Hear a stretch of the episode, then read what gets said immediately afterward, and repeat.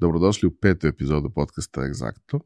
Danas je sa mnom Nenad Tešić. Nenad je takođe partner u Exacti, ali Nenade, hajde nam ti reci malo više ko je Nenad Tešić. Nenad Tešić je otac tri mala sina, tri mala dečaka, porodičan čovek koji je veoma srećan i ponosan što je danas u situaciji u kojoj jeste da je partner u jednoj konsultantskoj kući, jednoj grupi preduzeća gde su okupljeni jedni ljudi koji zaista onako imaju svoje velike vrednosti, velika znanja i ovu našu priču zajedno sa nama guraju kao njihovu i to je nešto na što sam ja zaista najponosniji. Radio sam u korporacijama, i maštao da ću nekad u životu biti u prilici da imam neku svoju ne korporativnu priču, ali priču gde ću biti okružen ljudima za koje ću budem srećan što imam priliku sedim sa pametnim, dobrim, vrednim ljudima za istim stolom, u istim kancelarijama i tako dalje. I danas smo došli u situaciju da svi zajedno zaista pravimo nešto što je divno i ja se osjećam prelepo kao neko ko je tu i partner i osnivač i ko je maštao svemu tome iskreno nisam se nadao da će to da dođe ni do ove granica ovaj, gde smo danas. I neko sam definitivno ko mašta da to sve bude još i veće i još onako lepše i još bolje i eto. Kad je Marko bio tu, shvatili smo kako razmišlja jedan inženjer u financijama i bankarskom sektoru, a ti si ekonomsko krilo cele priče. Zašto ekonomija uopšte? Pa vidi, meni je otac ekonomista.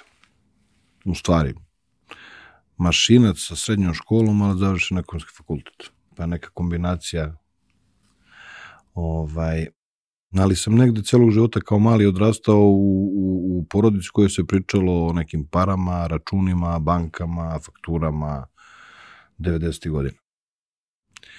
I tada su banke bile bitan faktor privrede, izuzetno i bile su u mojoj kući ljudi koji su radili u bankama često pominjani.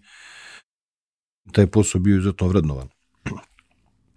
A onda sam kao on, osnovac još krenuo da radim u prženici kafe koja je bila porodično sa njim, ali uz pržanje kafe, pakovanje, taj neki preduzetnički duh koji je se radio, morao da se radi, dakle, vreme bilo bi se preživelo.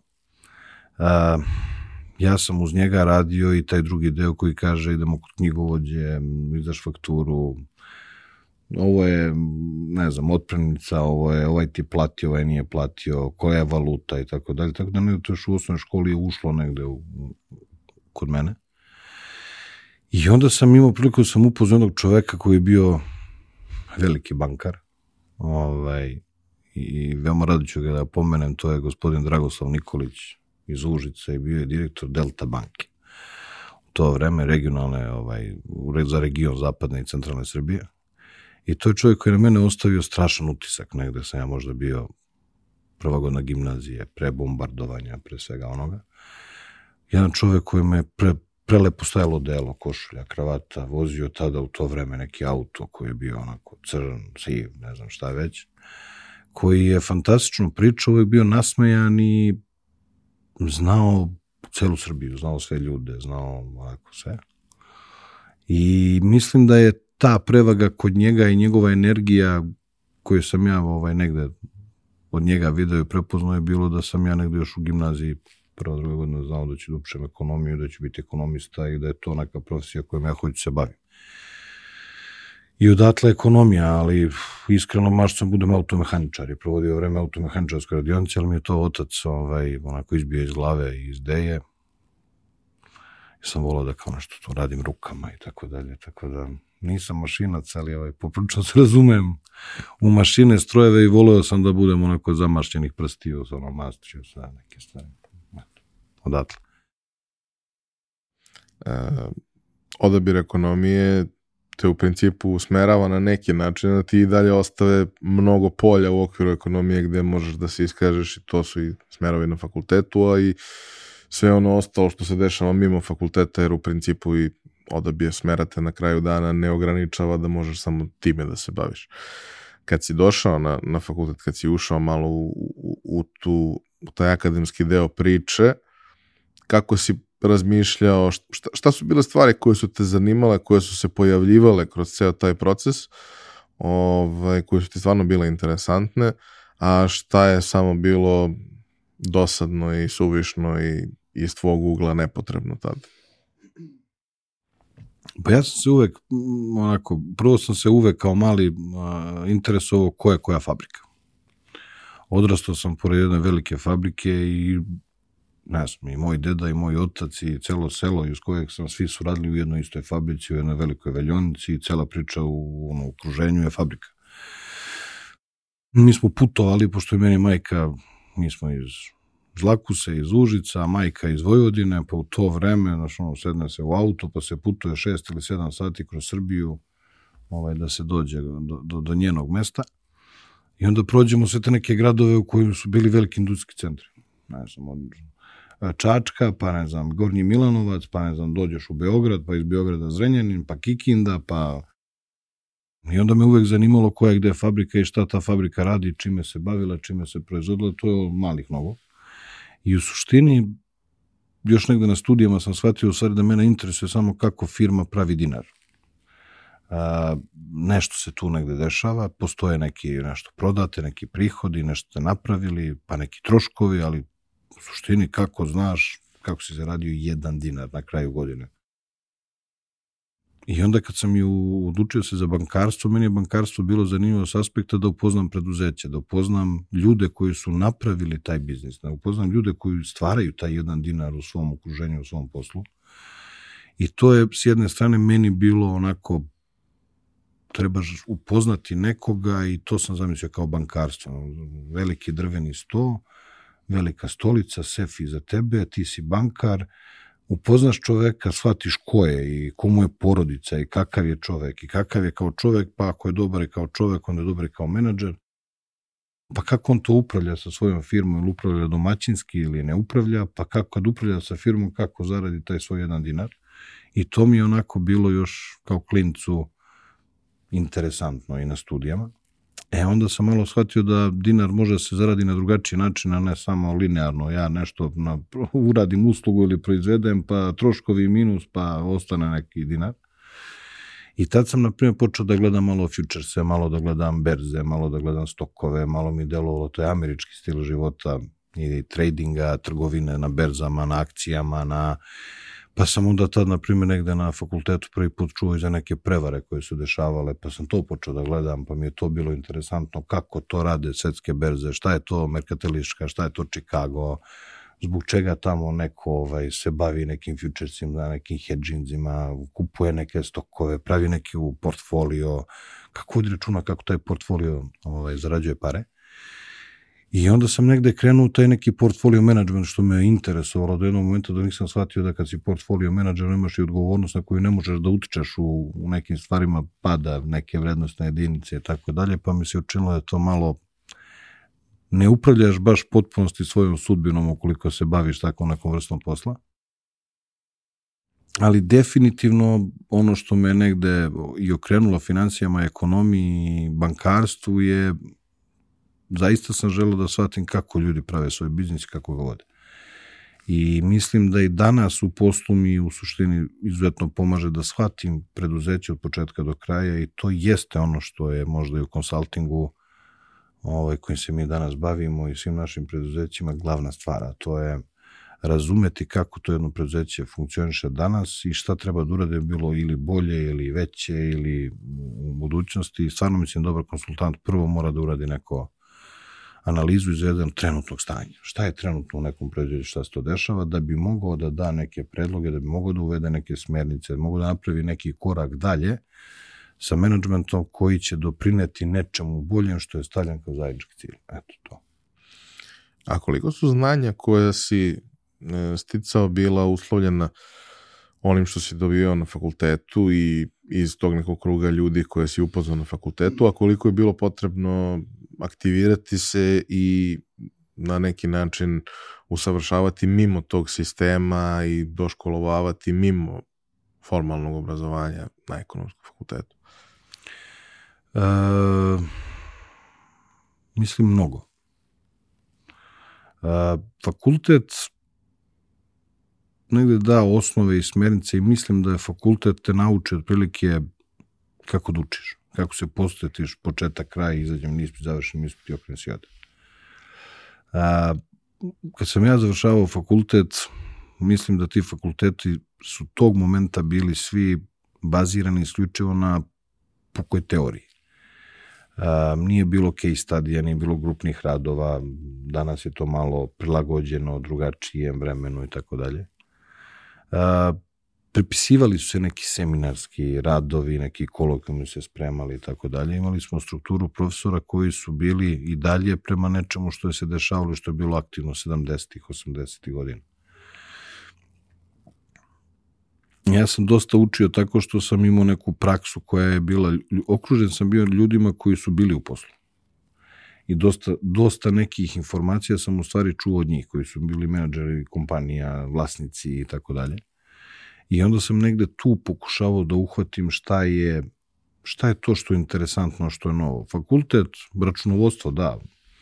Šta je računovodstvo, kako izgleda, šta su kontni plan, potrežna dugovna strana i tako dalje. Neki osnovni elementi samog bankarstva ili, ne znam, e, makro, mikroekonomije, globalne ekonomije, ali negde meni je meni je veliki iskorak bio u, u životu onako, pojava YouTube-a, veoma iskreno.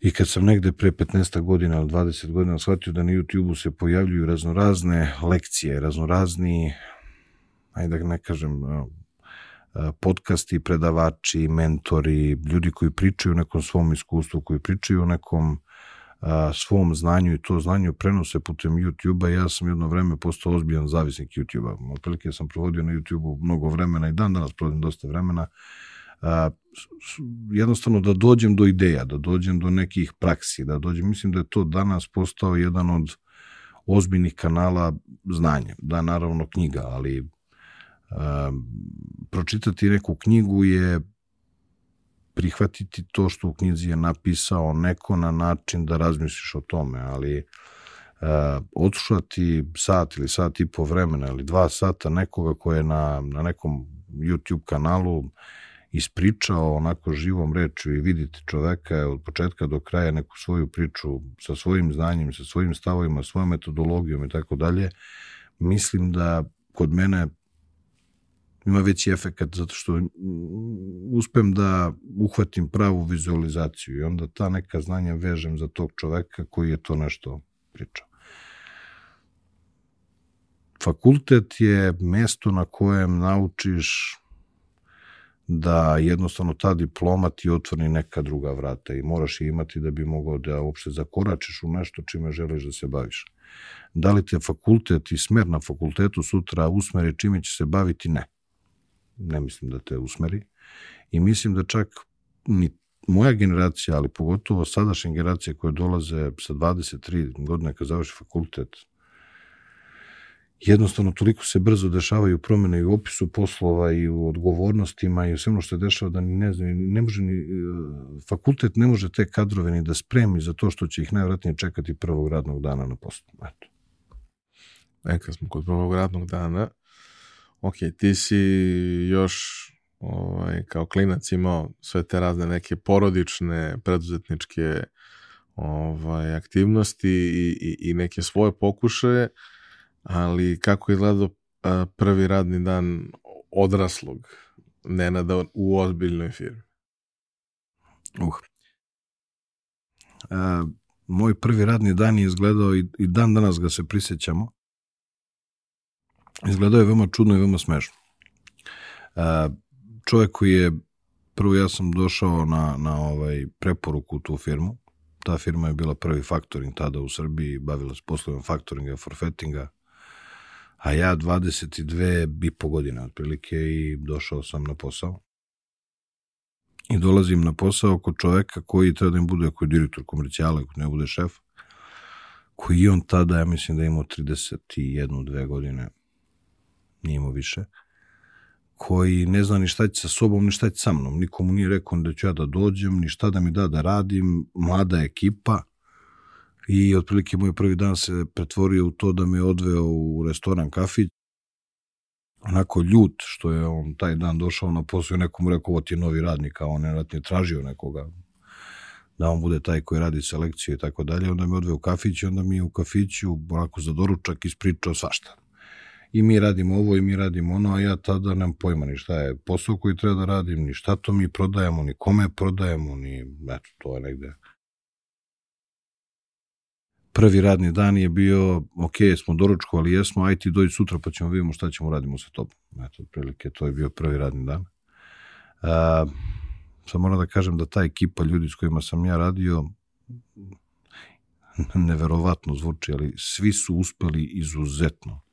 I to je bila jedna izuzetna ekipa mladih ljudi koji su posle u životu pokazali koliko su stvari bili potencijali svi zajedno stavljeni na jedno mesto. I to je uradio taj jedan direktor te firme koji je tada imao onako izuzetno sedu glavu, visok, a, izuzetno uspešan čovek, ali uspeo da okupi jednu ekipu mladih ljudi tada da mislim da je taj Ognjen imao 30 i tada jednu ili dve godine, gde iz te ekipe danas dvojica ljudi imaju izuzetnu privatnu firmu i bave se tradingom, gde je jedan kolega koji je sedao mene bio dugo godina direktor Kofasa, regionalnog nivou, gde je devojka koja je radila risk tada, jedan od poznatijih finanskih stručnjaka, trenutno finanskih direktora u Srbiji, radila kao finanski CFO nekoliko velikih kompanija, onako baš jedna ekipa skupljena koja je tada radila fantastično i mi smo uživali. E sad, prvi radni, prvi radni dan, bio drugi radni dan,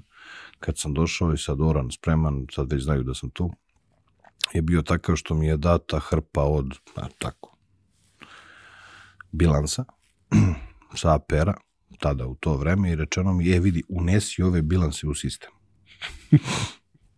I onda sam se ja zainatio i prvih sedam dana sam ostaje ono, svi vidiš sad kuću pola pet, završao se posao, ja ostanem do sedam, do pola osam, pa dođem ranije sat vremena, da ja unesem bilanse firmi u sistem.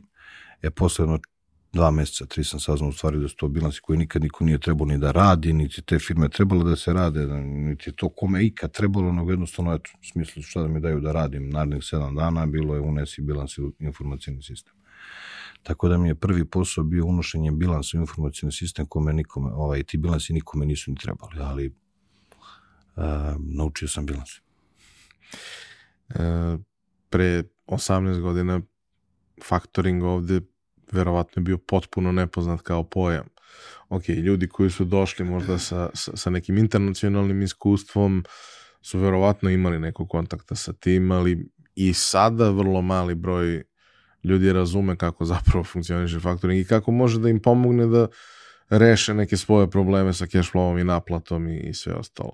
Uh, kako ste vi to tada radili, komunicirali, s kim ste radili,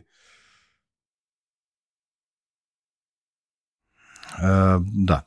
I dan danas, mislim, znaju ljudi šta je faktoring, znaju, a, forfetting kad kažete, pa im objasnite šta je otprilike u shvate.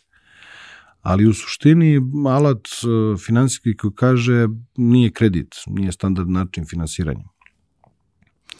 E, nakon uneti tih bilansa, ovaj, ja sam od svog šefa, direktora komercijale, ili kako se šef komercijale, tada dobio zadatak i rečeno mi, vidi, ideš na tržište i ponudi ljudima uslugu i mi to finansiramo i eto, pravi svoje klijente. I pff, ja sam to krenuo da radim na jedan veoma zanimljiv način. U Beogradu, iz Užica, ne znaš nikoga, misle ljudi ti kao znaš neku privredu, znaš neke ljude, ne znaš. Pa ali sam znao firme. Znao sam fabrike u to vreme. Uh, dobar dan, dobar dan, Nena Tešić na telefonu, ja se izvinjavam, molim vas Petra Petrović, generalnog direktora. Ja zovem iz prvog faktora, bavimo se finansiranjem vaših potraživanja, pa i sad.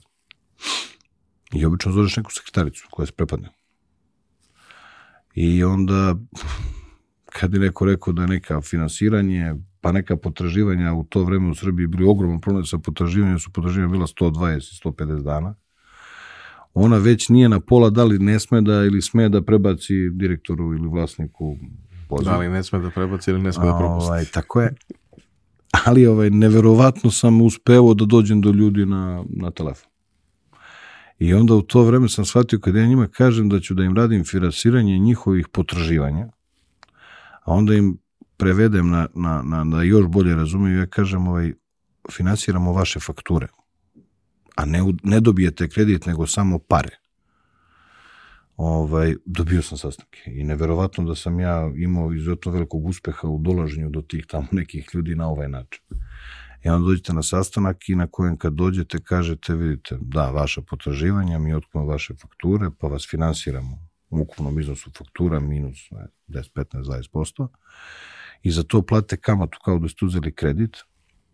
Ali ono što je glavna stvar jeste da vi se time ne zadužujete i u vaš bilans ne ulazi zaduženje. To je tada bilo u bankarskom svetu izuzetno bitno, koliko si zadužen, koliko možeš dobiješ kredita i dan danas, ali tad je to tek bankarstvo onako dobijalo neke primese koje na, na nivoje na, na kojima je danas, a i privrednici nisu baš razumeli banke najbolje u to vreme, odnosno mnogo lošije nego što ih razumeju danas. Ovaj, onda je to kod ljudi prolazilo. Ja se naplatim, imam svog dužnika, pa zovnem njega, pa mu kažem, vidi, pošto ti meni duguješ dosta para, pa nikako da mi platiš, ja sam dobio pare, a ovo što mene košta, taj trošak, je faktoring kao alat skuplji nego kredit, taj trošak ćemo da podelimo zajedno, pa ću ti ga prefakturisati. I onda je to, na primjer, sad ova priča koju sam ti ispričao je anegdota koja se meni zaista desila tada sa generalnim direktorom tada najveća industrija u Srbiji, mesna je bio je Carnex koji je kupio, mislim, Ašmons kao fond. Carnex je u to vreme bio ogroman, mnogo veća kompanija nego danas i svima nama. I ja sam došao na sastanak sa generalnim direktorom upravo na telefon sa sekretaricom, da kad sam ušao sa 22, 22 i po godine u odelu, košulju, kravati, mršav, klinac čovek i počeo se smeje i rekao, izvini, sme ti, ti izvao, s tobom sam pričao. A onda je izvadio ogromnu sumu ovaj, koliko on trenutno ima potraživanja, zamislite, duguje mu tada, najveći retailer je bio Maxi, odnosno Delta i oni mu duguju ogromnu količinu novca. I otprilike, pa bila su dva šlepera faktura. Sad. I kad sam se ja vratio u prvi faktor i, tada svom šefu i koleginskoj vodila cele rizike i i ona je danas izuzetno uspešna i dokazana. Ovaj, kad smo došli na kreditni odbor, sam rekao, evo imamo to i to i sve, i oni su onako bili kao, ok, super, kako si došao do njih? Ja kao, znam čoveka. Ovaj, kako kaže na telefon, dao sekretarica, mislim, ne ide. Ovaj, I kad smo mi to sagledali, rekli, pa vidi, imamo vrhunskog ustupioca, ono koji ustupa potraživanja, ali imamo i dužnika, jel te, koji je odličan ali bi trebao taj dužnik da nam potpiše neku cesiju, a nikad nam se to nije desilo da će Delta u to vreme da potpiše cesiju. Jel možeš da obedbediš da Delta potpiše cesiju, sad onako svi, ja, ja sam to već ovome objasnio i rekao, naravno će da potpišu kad ih ja zonem i zvao predamnom ja kažem da, to je dogovoreno. Tu se sad nama rodila ideja da mi jeli, sve druge zonemo pa da na isti način ovaj, radimo finansiranje. Ja sam rekao samo jedan problem, mislim da ćemo fizički mi da otkupimo faktičku fakturu, tako? Mislim da ćemo da imamo veliki problem ovaj, oni nama treba dotaraju da jedno šleper ili šleper i po faktura, gde ćemo mi to fizički da stavimo, onako, kreditni odbor, svi se pogledaju kako misliš, pa lepo, zašto oni imaju, prodaju i jedan komad i pet komada i stvarno imaju za, ne znam, četiri i po meseca u toj količini dnevno izdatih faktura izlaznih prema jednom Kupcu je najvratniji šleper je pobio to vreme.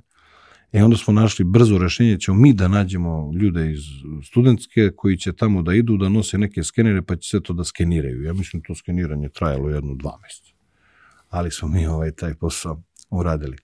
A, I tako je se u to vreme u Srbiji prodavao usluga faktoringa. Morali smo zaista svi zajedno koji se time bavili poslom da, da, da, da objasnimo ljudima šta je benefit svega toga pa ste onda imali neki međunarodni faktoring, pa otkupi potraživanja ka inostranstvu, pa je to bio jedan dobar alat do negde nekog momenta kada su krenule da se dešavaju raznorazne ajde da kažem, prevarne radnje. Jednostavno, onaj dužnik tamo vama ne plati novac, odnosno vašem faktoru, on se pozove na pravo regresa, to se tako zove, odnosno naplati se na kraju od vas.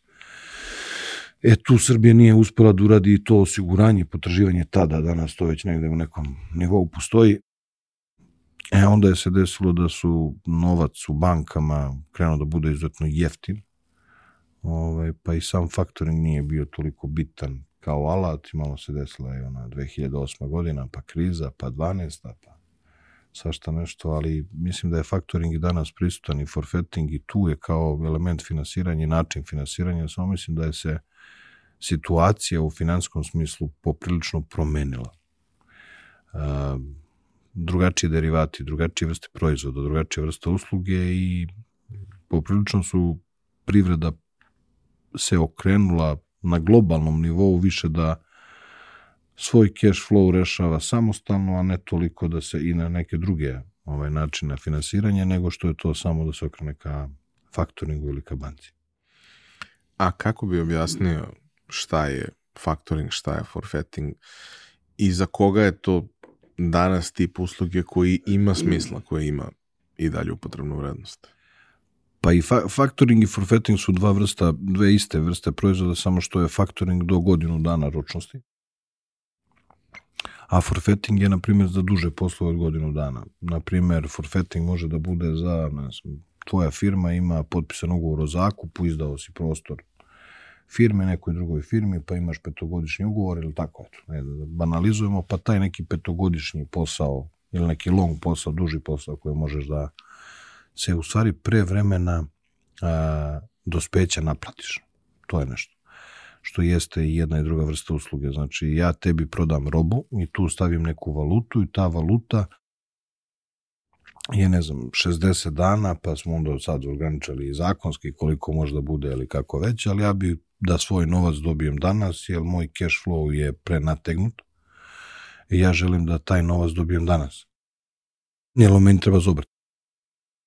E onda ja tu istu fakturu koju sam dao tebi dam faktoringu, faktoring otkupi tvoju fakturu ovaj, i to tako što meni uplati iznos po fakturi umanje ga za neki desetak ili 15% što ostavljaju da se naplate kad ti budeš platio, a ti preuzmeš na sebe obavezu da umesto da platiš meni, plaćaš tom trećem činjenicu, tom faktoringu ili forfetaru koji radio finansiranje. I to je naj jednostavnije rečeno opis same te usluge, a u suštini kome bi danas koristilo? Pa svima onima koji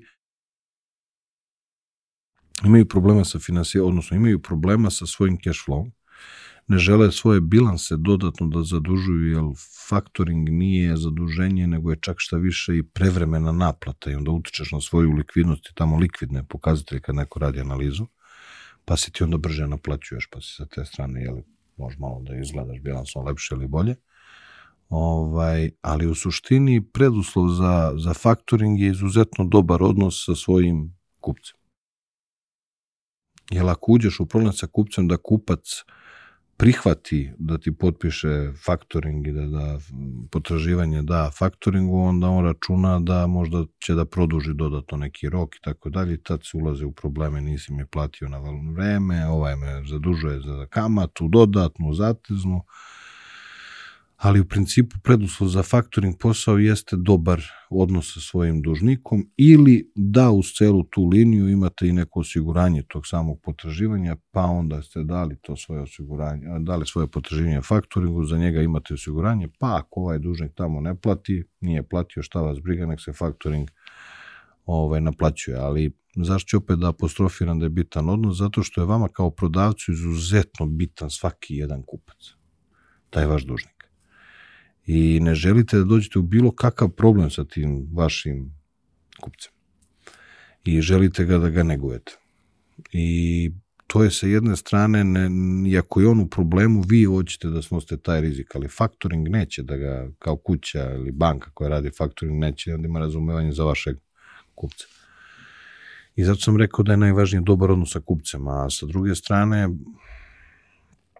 kad ja tebi prodam robu i dam ti valutu, ispregovarali smo i prihvatio sam da, da mi platiš na duži rok. 45, 50, 60, 90 dana, šta god smo dogovorili. A onda ti ponudim papir da ti treba ovaj, da mi potpišeš da ja u stvari uzmem faktoring, da mi taj novac treba, onda dolaziš u poziciju da ti razmišljaš da sam ja u problemu likvidnom, da ja razmišljam da ćeš ti da shvatiš da sam ja u likvidnom problemu, da ćeš ti da dođeš da mi kažeš, e vidi, ali ako su problemu, nemoj ti potpisujem ovo, nego ajde daj mi još 2 ili 3% koliko ćeš daš faktoringu, pa ću ja da ti platim pre vremena. Pa ako to prihvatim prvi put, sledeći put ćeš mi tražiti još nižu cenu, ili znaš da sam u problemu i prethodni put sam ti dao nižu cenu.